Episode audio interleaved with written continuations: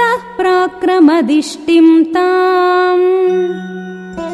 पुत्रीयाम् पुत्रकारणात् जुहावचाग्नौ तेजस्वी। मन्त्रदृष्टेन कर्मणा।